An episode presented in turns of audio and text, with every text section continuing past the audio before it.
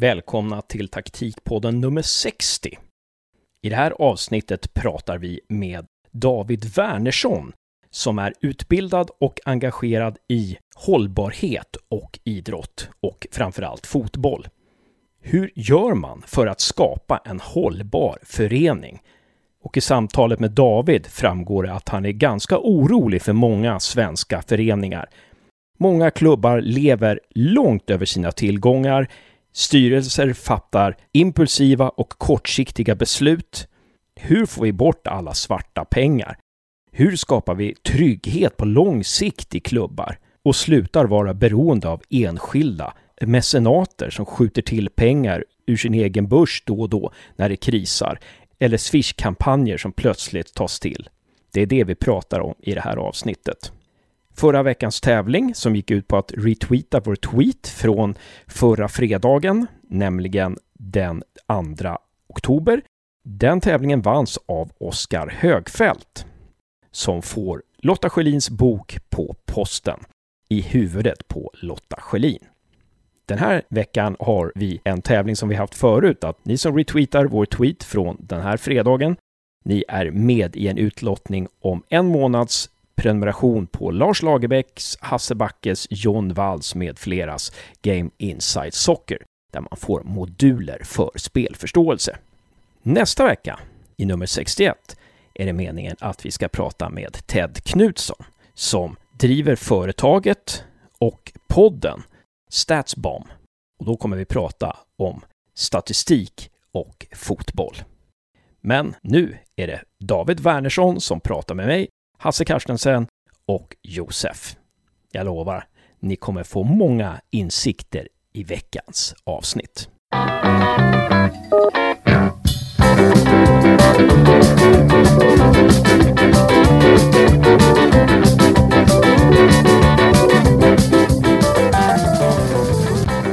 Välkommen till Taktikpodden nummer 60 säger vi till David Wernersson. Stort tack! Det ska bli väldigt spännande att prata med dig. Du har en examen, universitetsexamen i Human Rights och du skrev din uppsats, sa Josef också, om idrott. Stämmer det eller? Eh, ja, bland annat skrev jag en uppsats eh, kopplat med Human Rights med IOK och eh, Fifa och eh, CSR. Egentligen hur man kan knyta ihop dem tillsammans och kanske vad framförallt förbunden har sagt att de ska stå för men kanske inte alltid riktigt står för. Och eh, du har varit klubbchef i LB07. Du jobbade väldigt mycket med den här tilltänkta sammanslagningen med Malmö FF. Du avgick därifrån och eh, sitter fortfarande med i styrelsen. Du har även jobbat åt Nyköpingsbissarna. Och det som vi gärna vill prata med dig om det är ju hållbarhet inom svensk fotboll. Men innan vi kommer in på det så välkommen också Josef. Tack så mycket. Du har snart en kandidat i idrottsvetenskap på Linnéuniversitetet i Växjö och du har grym koll på alla ligor och alla spelare runt om i världen. Nu så kastar vi oss in på det som vi ska prata om, nämligen vi börjar någonstans. Vi gör ett dåligt försök och får vi se var vi hamnar. Men David, alltså det här med hållbarhet och fotboll då. Om man ska börja jobba med hållbarhet och, i en klubb, var, börjar man då? Ja, jag tycker faktiskt att du har en rätt bra inledning. Du säger vi gör ett dåligt försök. För det är ungefär det som varenda klubb och förbund gör i svensk fotboll med att jobba med hållbara föreningar. Alla gör dåliga försök i bästa fall. Så jag tycker det är helt rätt ingångsvärde kring, kring ämnet. Och det korta svaret är väl att ingen klubb riktigt har tagit sig tid att definiera vad som betyder, vad man menar med en hållbar förening. Utan ibland kastar man sig med uttryck som CSR utan att förstå att det innebär social hållbarhet, ekonomisk hållbarhet och miljömässig hållbarhet. Och sen på vilket sätt man ska angripa det då i en fotbollskontext. Vi från LB07 försöker ju se det till att vad är vår kärnverksamhet? Ja, det är ju fotboll. Kan vi göra den hållbar för våra 1100 ungdomar. Så det är ett sätt att jobba som en hållbar förening. För det är någonstans så att eh, kärnverksamheten är där först och främst du har fått, fått dina medlemmar ifrån och varför du finns. Så det, det, det är vad du väljer att definiera som hållbar och sen måste du löpa linan ut. Alltså, vad är det svenska klubbar, vad har svenska klubbar mest att jobba med när det gäller hållbarhet? Om vi försöker liksom ringa in det. Ekonomi kort och gott. Eh, det, det fastnas rätt ofta på att eh, du vill nå snabba sportsliga resultat. Eh, och det belastar du ekonomin kortsiktigt för men det är bara att nu ska jobba tillbaka en ekonomi så tar det flertalet år egentligen. Eh, och många gånger tror jag inte klubbar vet varför de gör sina sportsliga satsningar. Är det för att ja, vi vill sluta åtta eller vi vill spela i division 2 eller vi vill gå upp från division 3 men man har inte koll på vad nästa steg innebär och hur du behöver vara redo för det. Eh, så om vi ska begränsa det till någonting så är det, väl, eh, är det väl ekonomi egentligen och att man inte riktigt förstår vad pengarna man lägger en säsong som ofta hamnar på spelare, löner eller tränare eller att man sparkar tränare. Att man inte riktigt har förståelse vad det är för konsekvenser det ger åren längre fram och till vilket, till vilket syfte har du, har du attraherat eller kontrakterat spelare eller, eller ledare. Där någonstans skulle jag säga att man börjar. Så att man, man är ganska dålig på ekonomisk hållbarhet. Är det det att man bränner kapital liksom? Eh, man tänker ganska kortsiktigt då? Man bränner oftast kapital innan man har kapital eh, och innan man vet om att man får kapital. Det, eh, och det, det, det, här är, tycker jag är rätt intressant för det, det, är, det är inte jättesvårt att läsa sig till. Du har förbundet släpper ju faktiskt rapporter årligen på, på elitklubbarna. Alltså från division, på här sidan division 1, superettan och allsvenskan och på damsidan är det framförallt damallsvenskan. Men, men går du in och kollar bara de sammanställningarna som är en, är en googling bort så ser du att majoriteten av klubbarna ligger och eller majoriteten, men det har många klubbar som ligger och pressar mot eh, Eh, pressar mot det som är riskabelt för en klubbs existens. Eh, i, man brukar då ta en, en siffra som är att man vill ha enkelt sammanfattat att personalkostnader och det inkluderar ju spelare och tränare ska väl vara, den får väl inte gå upp mot 70% eller 69% av klubbens intäkter. Eh, och eh, enligt den riktlinje man har och kollar då exempelvis på den klubben som jag var klubbchef i under 2019 så låg de på 109 procent 2017 och 102 procent 2018. Eh, så bara där hör du ju hur det låter och sen finns det flera klubbar som ligger bra bit över 70 eller ligger och pressar mot 70 procent. Eh, och då har du en riskfaktor i din verksamhet. Ja. Men hur kan det här hur kan det bli så då? Alltså vad, vad, är det, vad är den felande faktorn som gör att att, att, man, att man pressar klubben, sätter klubben i en sån här besvärlig situation liksom, och lever över sina tillgångar, spekulerar med pengar man inte har? Eh, ja, men det, det är en väldigt intressant fråga och än har väl ingen lyckats kunna svara på det. För många gånger när du kollar i styrelserummen, det, det, det är inte inkompetenta människor som har satt sig i de styrelserummen utan oftast framgångsrika företagsledare, i alla fall utger de sig för att vara det. Jag tror helt enkelt att du lever för nära din barndomsdröm eh, och du har sett så mycket på tv och att det vore kul att vinna matcherna kostar det då en forward som du behöver lägga 100 000 på på ett år men du har inte de 100 000 så är du beredd att göra det. Har du däremot ett företag där du riskerar att gå back så lägger du inte 100 000 på någonting för att eh, en kortsiktig investering. En kortsiktigt nöje. Du, köp, du kanske inte bjuder personalgruppen på en, på en weekendresa för att, för att det vore kul den helgen. Lite så är det kanske man investerar med fotbollsspelare. Det, vi kan få de här resultaten de här två, tre veckorna och så kan vi sola oss i glansen i media en vecka och vi kan slå oss för bröstet att vi har vunnit, vunnit en serie eller vunnit en match. Men sen har du år när du ska ta tillbaka, ta tillbaka det för att sen kunna ligga kvar där du är. Så jag, tror, jag, tror, jag tror att det, det är lite som att det, det, blir en leksak för framgångsrika, eventuellt framgångsrika människor, eh, företagsmänniskor och då tycker man att det är kul och då löser det sig. Och, och så har man det som måttstock vad man hamnar i tabellen istället för hur klubben mår över tid. Och hur lång tid tar det att återhämta en ekonomi om man har gjort en kortsiktig in ekonomisk investering eller investering, insats? Eh, ja, jag kan, om jag ska ta vårt exempel då, Hjälme 07 som vi började med 2019 ser ju för jäkligt ut. Det måste jag, ursäkta att jag svär här nu, men eh, eh, där jag ändå var ansvarig. Men det var ju mycket att vi, vi började dra i saker som man inte hade tagit 2016 och 2017 framförallt. Man hade börjat lite 2018 hade man ändå gjort några av de beslut som jag tog i februari 2019 när jag hade börjat, de har ju spill, spiller jag över fortfarande på 2020. Så egentligen bara för att kunna återställa och reparera några av de misstagen du har gjort så får du nästan räkna på en tre år. Och sen därifrån får du börja bygga, bygga upp det. Så kortsiktiga beslut som är tagna för ett, ett par år sedan kan ta, beroende på, det beror på, såklart på omsättning och då får jag räkna på den omsättningen vi har och den procentuella utgifterna du har satt i. Så för oss tar det, kommer ju, tar det ungefär en, två till fem år om vi jobbar målmedvetet och strukturerat. Absolut, innan vi är tillbaka på någon form av status quo. Det låter ju som att det här, här finns en spricka mellan, alltså det som den svenska idrottsrörelsen, den ideella föreningen och det affärsmässiga. Det känns ju som att det är en, en spricka här emellan. Ja, men det är det. Sen finns det mycket du kan göra som förening, men du, du har ju andra krav från företag. Om vi pratar sponsringsverksamhet, sponsring och etc. så är det tydligare krav. Ofta ska det generera affärer och det, det kan vara en utmaning för föreningar att kunna klara av att generera affärer eller sälja ett socialt värde på tal om en hållbar, hållbar klubb. Och, och där tycker jag nog att, och då blir det ofta så att du startar olika projekt. Och det är bra. Jättemånga av de här projekten som är väldigt bra. Men lyckas du alltså inte in, få in det i att det är en del av din verksamhet och någonting som bär sig själv så blir det till slut en belastning. Eh, och där tror jag att föreningar måste bli bättre på att hitta hur man förklarar sin kärnverksamhet som hållbar och att bygga ekonomi kring sin egen kärnverksamhet. Eh, du, får inte, du måste lyckas att inte bli beroende av sponsor eller ansökningar och bidragsansökningar vilket du har lätt att kunna få, lätt att kunna få bidrag för att du är en ideell förening. Men jag tror att du, du sätter kroppen på dig själv. Det, det, blir, det blir som man var yngre, men en väldigt skön fylla, men bakfyllan är desto värre och den är desto längre. Men hur lyckas många klubbar då, håll, köpa och så här, när de inte har pengar? Vad är lösningen liksom? Lösningen, lån är väl inte, är väl inte helt otänkbart. Sen klär man det på, på andra sätt. Sen har vi många, många människor som är eh, godhjärtade och vill föreningar väl. Oftast, oftast äldre, äldre män som eh, stoppar in pengar och räddar klubbar för att de inte ska gå under. Förr eller senare kommer de här människor, snälla människorna sluta göra det.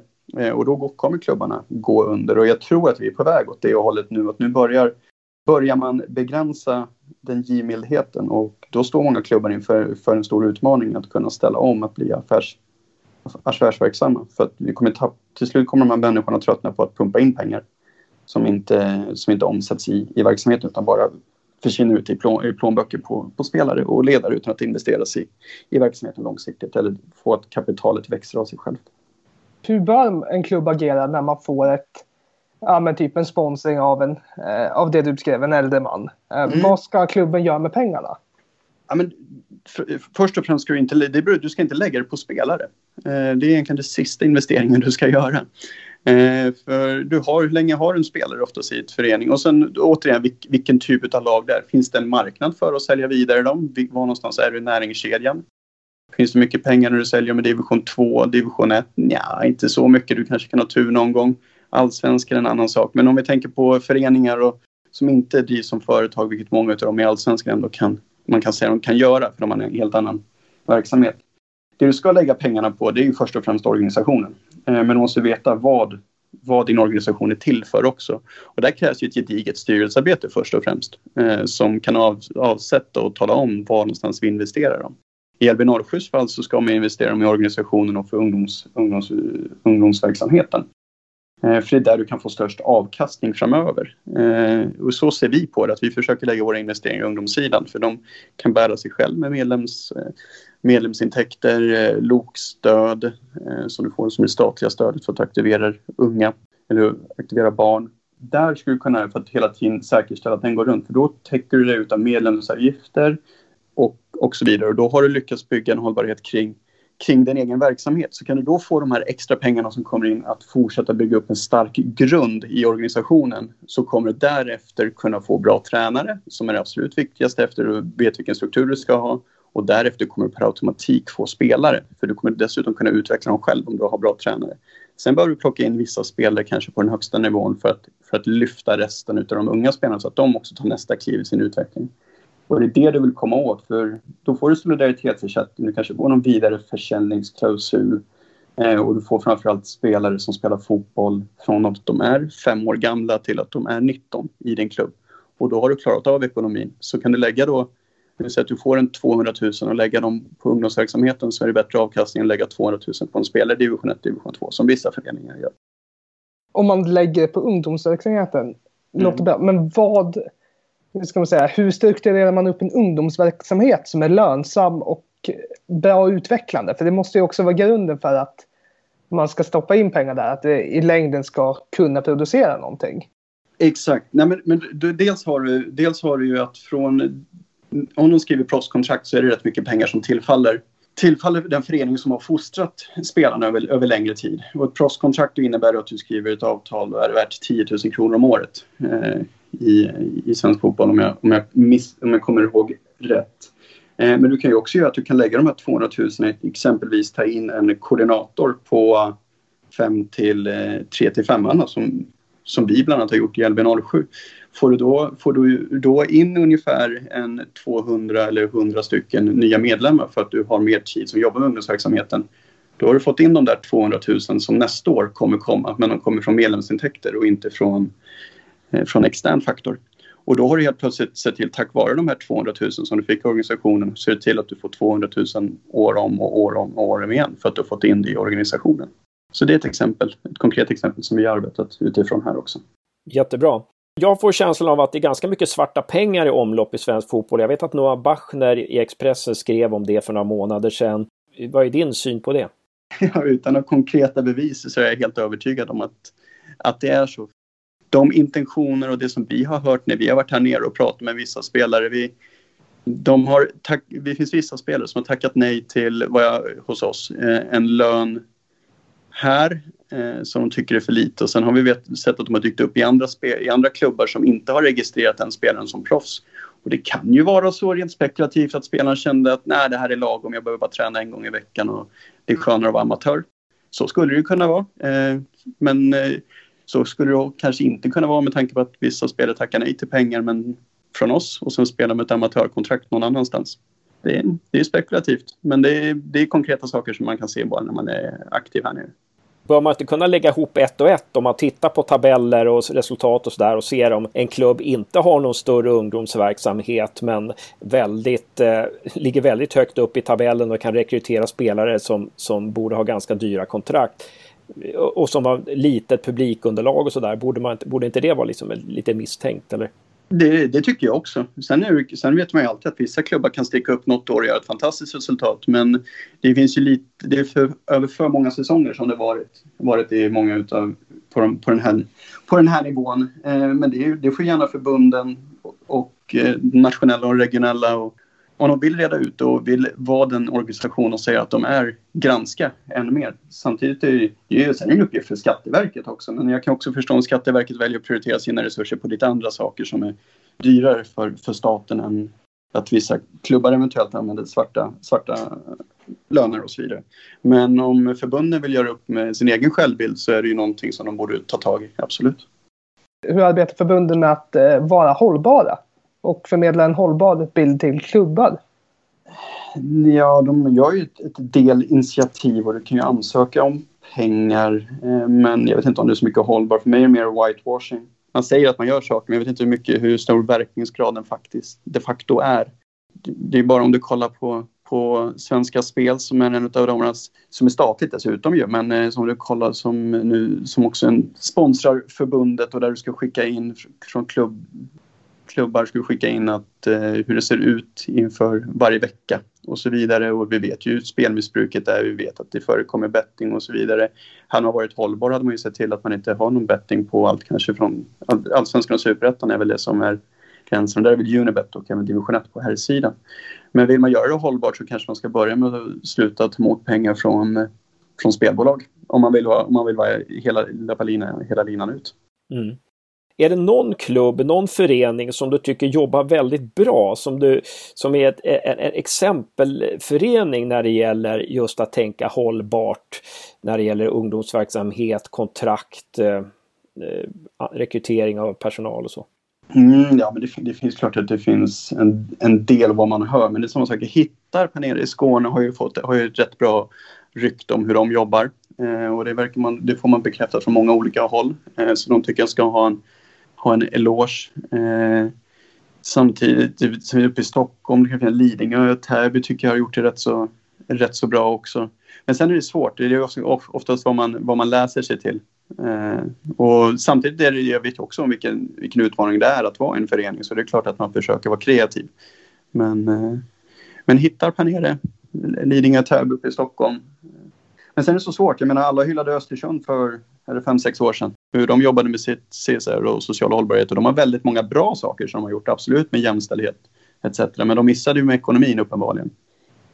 Eh, så, det blir, så det är svårt att göra. Hade du frågat mig för ett par år sedan hade jag berömt Östersund. Att sitta och berömma Östersund nu är väl kanske inte det, det mest självklara man kan göra.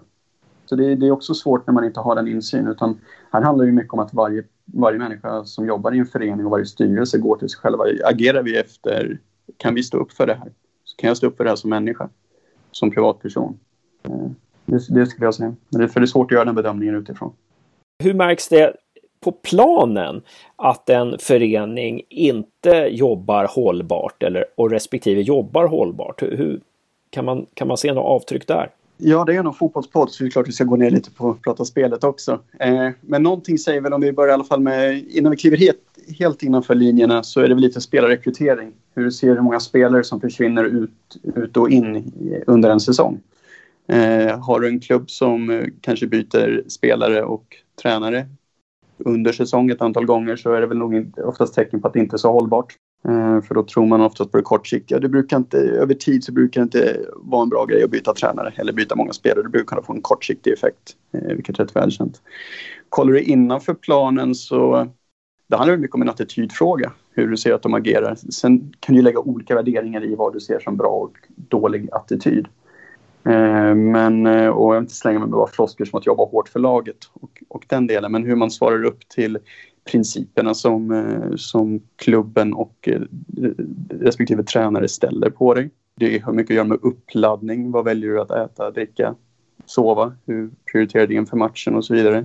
Har du, den, har du rätt typ av spelare som du har rekryterat och beter de sig som professionella även om de kanske inte är professionella i form av att de får betalt för det. Där någonstans kan du ha det. Du kan också se det på snittdollar kan du säga, kan vara en del av det. Eh, ibland tycker jag klubbar kastar sig med att vi spelar ungt och spelar våra egna och det är fantastiskt. Och det försöker vi göra också men det måste ha ett syfte med det. Det är inget syfte bara att, att bara ha en låg, låg snittålder. Det kan, det kan alla klubbar ha. Det är bara att flytta upp juniorlaget. Men att du, har ett syfte, att du har ett syfte med hur du rekryterar de spelarna och var de kommer ifrån och på vilket sätt de kommer ifrån. Din egen verksamhet eller, eller externt. Men om du ser just innanför linjerna så är det väl egentligen hur de svarar upp till varandra i sitt beteende och hur de svarar i sitt beteende mot, mot ledarstab. Just det. Så att när spelare börjar gnälla på varandra eller när spelare inte följer tränarens, eh, tränarens devis eller när någon i organisationen börjar, börjar ifrågasätta tränaren så här, då kan man tänka att det här är, det, här är en förening som har en del att jobba med. Ja, både och. Ibland kan det vara bra att jobba med friktion också, för friktion skapar ju det skapar ju en tävlingsnerv kan det göra. Så det beror på vilket sätt det dyker upp på. Det kan ju också vara så att, det, sen ska man säga att det inte alltid är så att tränaren och föreningen är rätt. Det kan ju vara att föreningen och tränaren gör någonting fel också. Då får man ju kolla, kolla på det. Men det är klart att det utstrålar någon form av harmoni eller kravställning på varandra beroende på hur det här tar sig i uttryck eh, under en match. På vilket sätt kritiserar man varandra, på vilket sätt gnäller man etc samtidigt tävling och adrenalin och testosteron, oftast på här sidan i alla fall. Mm. Josef? Jag blev lite nyfiken på, hur ska man säga, parametern. Eh, då vi pratar om personalkostnader, vi pratar om snittålder, men din åsikt om krona per poäng eller dylikt som ofta brukar dyka upp i de här mm. rapporterna som görs? Mm. Eh, men det, finns ju, det finns ju ett kausalt samband med spenderad krona och tabellplacering. Eh, det går ju inte att komma ifrån. Eh, det som jag personligen tycker är intressant i den här diskussionen det är ju när ska man som klubb börja värdera det? Jag kan tycka på, om du kollar på herrfotboll i Sverige, då kan du börja värdera det när du kommer upp superettan, allsvenskan, för då kan du börja ge lite avkastning med tv-pengar och eh, stöd från förbund och så vidare. Att för egen del att gå in och att spendera mycket pengar för att vinna division 3 eller division 2 det vet jag inte om det är så, det är så intressant. Har du verkligen fått, fått avkastning? Vad, vad, är, vad är vitsen med att vinna division 2 och division 3 om du inte kan egentligen gå rakt igenom division 1 sen? För division 1 är ju en hemsk eh, serie att vara i, oftast för många föreningar sett till kostnader, eh, resor och etc. Där måste du börja skriva kontrakt också för att spelarna måste gå tidigare från sina arbetsplatser eh, för att kunna vara med på matcher och lägga ner den tiden som krävs. Så där tycker jag klubban måste rannsaka sig själva. Vad, vad är vitsen att lägga mycket pengar på att vinna division 2 division 3? Eh, vad är det vi ska få ut av det i nästa steg? Och där tror jag att man bränner otroligt mycket pengar. Eh, och I min värld är det ingenting att skryta om att man har vunnit division 2 eller division 3 någon gång i framtiden. Det är de stora medaljerna som spelar roll. Mm. Och det, det, handlar om hållbarhet, bygga för framtiden då. Alltså och en klubb som bygger för framtiden, alltså då, vad, vad, är det för... Alltså om man ska då tänka att nu ska jag bygga för framtiden, nu är det vid division 3 och nu ska vi ta oss uppåt i, i, i serierna här. Liksom, mm. Och nu ska vi bygga på lång sikt. Då, vad är de viktigaste sakerna då man behöver tänka igenom och sätta på listan? Eh, varför vill man gå upp eh, först och främst? Eh, på vilket sätt gynnar det här oss som förening att vi går upp? Eh, är vi beredda på att vi, eller hur mycket värderar vi serietillhörighet? Så kanske man ska se på det. Eh, du pratade förut om, jag hade några mer exempel. Ja, BP tycker, det kan man tycka mycket om. Jag tycker BP är ett bra exempel på att de arbetar på samma sätt oavsett serie de spelar. Det är väl två gånger nu i de, de senaste 6-7 åren där de har gått från allsvenskan till division 1 och upp igen och sen ner igen. Men eh, det är aldrig någon som säger att BP ändrar sitt sätt att arbeta på. De lyckas få fram spelare år efter år efter år ändå. Så där har väl BP någonstans lyckats med att de vet sin identitet, att vad de tillhör för division inte så spelar så stor roll och att de är hållbara på det sättet. Sen kan man ha åsikter hur de jobbar på sin ungdomssida, absolut. Eh, men där har ju de hittat sin, sitt sätt att vara hållbar, hållbara. Då pratas om att nu ska vi vinna division 3. Okej, men vad är målet med att vara i division 2? Det skulle kunna vara att vi kan attrahera bättre ungdomsspelare, att vi vill höja nivån på vår ungdomsverksamhet. För har vi division 2-lag så är det ändå ett snäpp, ett snäpp upp mot, mot division 3. Du börjar komma in på mer nationella serier, även om division 3 är en nationell serie. Eh, men du får större resor, du får större konkurrens och det kommer kunna spara ditt ungdomslag att pressa upp nivån inom, inom klubben. Och har du ett bättre, har ett A-lag som ligger där i division 2 så har du större chans att behålla spelare på ungdomssidan för att det är en tydligare väg framåt mot elitfotbollen om du som spelare strävar efter det. Eh, men du måste, du måste veta varför vill du gå upp i en serie. Eh, vissa kan bara ha att Nej, men det vore kul om vi går upp en gång, jättebra, men har du tänkt att du ska lägga ner mer pengar på det? Nej, det har vi inte tänkt. Då är det bara att köra på det så länge det räcker. Men att man måste ha en ekonomisk plan för att vad är målsättningen med att vara i nästa serie hela tiden? Men det känns ju också som att det är ganska viktigt med Alltså vem, vilka ledare som kommer in då. Alltså vilka ledare man rekryterar. Jag tänk Östersund hade ju inte varit någonting utan Graham Potter till exempel. Och att just att Potter var så öppen för att Nej, men han, han, han tog in det här Playmaker AI då, Ola Lidmark mm. Eriksson och Jocke Plogell. Då, de började ju där. Liksom. Eh, mm. ja, men, ja, men ni kan börja scouta lite här. Alltså, eh, alltså att en, en, en, en tränare som vet, en ledare som vet vad den vill, kan se människorna, kan utveckla spelarna. Att det behöver vara en viktig del i det hela. Att, att, jag vet, men, men det kanske det känns mer som en som så lyckokast på något vis att klubbar hittar rätt ledare. Ja, jag vet inte hur, hur, hur tänker klubbar där och hur bör man tänka? Det, ju vara, det är ju rätt viktigt liksom. Ja, du är helt inne på, på rätt, eh, rätt sida. Hur gör du rekrytering? Vad är din beställarkompetens? Eh, för någonstans så är det så att de tränarna som vi har här nu, John Wall och eh, Olof Persson, det var, ju det, det var det viktigaste vi ville lägga, lägga våra pengar på, våra resurser på för att det sen skulle kunna för att det skulle kunna sätta en viss typ av identitet och kravställning på folk i klubben och våra spelare. Eh, och ändra en kultur. Men det är minst lika viktigt att när vi identifierade dem att det var de vi ville ha så har de mycket att de ska kunna jobba vidare för, för nästa rekrytering. För en tränare är bara ett par säsonger. Det är ett, två eller tre år. Det måste du räkna med oavsett hur långa kontrakt du skriver. Eh, och det är egentligen bara att kolla på hur länge en tränare är hos respektive klubb. Där som klubb måste du veta varför har du rekryterat de här? Du måste utvärdera den under tiden. Var har vi gjort det som vi kommit överens om? Så att vi vet att vi fyller och sen skruva lite på det för nästa. För lite nya input måste du ta. Du kan inte bara vara i samma hjulspår hela tiden. Men du måste veta varför du gjort din rekrytering av tränaren och att du lyckas rekrytera någon som följer den linje du har valt eh, redan tidigare. Och där ligger det jättemycket hos, hos klubben att veta vad man faktiskt plockar in och inte bara plocka, plocka namn eller kortsiktigt. Nej. Nu är vi tillbaka lite, nu har vi nästan knutit ihop säcken för där verkar det ju brista. Där verkar kompetensen verkligen brista. Alltså, tänk så många klubbar långt upp i, i, i serierna som, som, som kastar sig fram och tillbaka mellan, som har en tränare ett år, ett, ett och ett halvt år och sen får den sparken och så en ny in. Ehm, alltså det, det verkar vara där verkar det verkligen bränna kapi brännas kapital. Och då, då är frågan liksom, hur skaffar sig styrelsen den här kompetensen då? Hur skaffar sig klubbledningen, klubb, klubbcheferna, hur ska, skaffar de sig den här kompetensen för att kunna avgöra vem som är en bra ledare, vem som ska leda den här klubben vidare? Nej, det, det är det de, det de inte gör. Jag skulle faktiskt kunna vara självkritisk till hur de rekryterade mig. Jag är jättetacksam att jag fick den chansen. Eh, men, men det är också att det är väl inget självklart CV att gå på det som jag hade gjort, gjort innan egentligen då för en, för en damallsvensk klubb och en sån stor ungdoms, ungdomsförening som, som LB07 var. Eh, samtidigt, nu ska jag inte hylla mig själv, men jag fick, man fick ändå väldigt mycket beröm och så vidare under före, föregående år i vissa avseenden. Jag tror många kan tycka att jag var helt värdelös med tanke på hur det gick i många avseenden också. Eh, men när du får det så var det många gånger reflektionen, men det ska inte vara möjligt att jag kan komma med bra input så här pass tidigt. Det, ni har ändå suttit här i 40 år, hur kan ni inte ha tänkt, tänkt på det här? Eh, så jag är inte riktigt, och då menar jag inte bara vår styrelse utan menar även när du träffar förbund och kom, kommuner och så vidare. Eh, som du har väldigt mycket att göra med. Det är också något vi egentligen skulle komma in på, liksom att som förening är du också ganska låst utav eh, din kommun och eh, de förbund du tillhör. De kan ändra sig över dagen och beslut som du inte styr över. Så men, men hur du rekryterar från styrelsehåll och ledningshåll det finns jättemycket att jobba med där. Du borde jobba mycket mer med utbildning utav styrelser och, och klubbledning egentligen.